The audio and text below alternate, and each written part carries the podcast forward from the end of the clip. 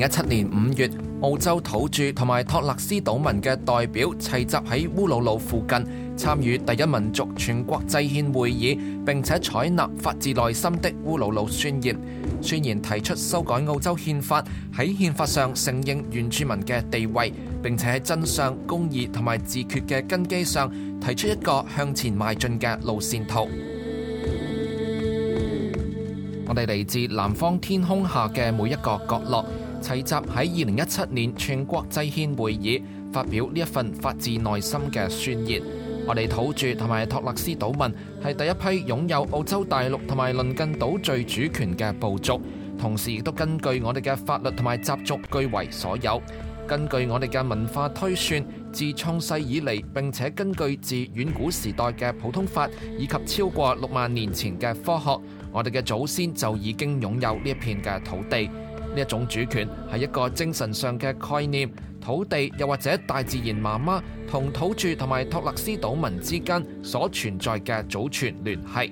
原住民喺呢一片土地上出世並且繼續保存呢一份嘅聯系，終有一日將會必定重返大地同我哋嘅祖先團聚。呢一種嘅聯系係擁有土地，甚至擁有更加好嘅主權嘅基礎，從未係被割让又或者被消滅，亦都從未同英國統治主權一齊並存。因乜嘢嘅理由會同咁樣相違背呢？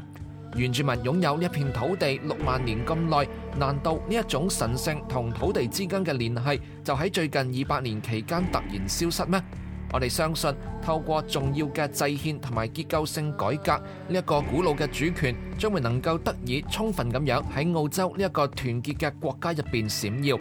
按比例计算，我哋系地球上被人关押最多嘅族群。我哋并唔系一班天生嘅罪犯，但系我哋嘅孩子被逼同屋企人分开隔住嘅速度就系与日俱增。咁样绝对唔系因为我哋唔爱佢哋。同時，我哋嘅青少年被拘留並且遭受痛苦，所涉及嘅人數亦都係客人聽聞。佢哋本應係我哋未來嘅希望。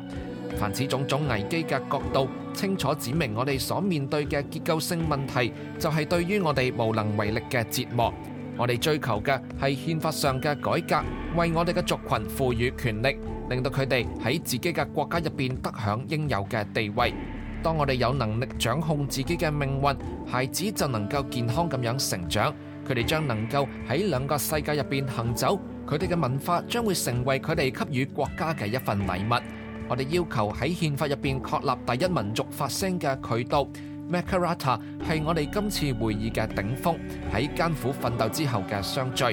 佢体现咗我哋同澳洲人建立公平同埋真诚关系嘅愿景，并且基于公义同埋自决嘅意念。为我哋嘅孩子创造一个更加美好嘅未来，我哋寻求成立一个 Macarata 委员会，监督各个政府同原住民制定协议以及讲述历史真相嘅过程。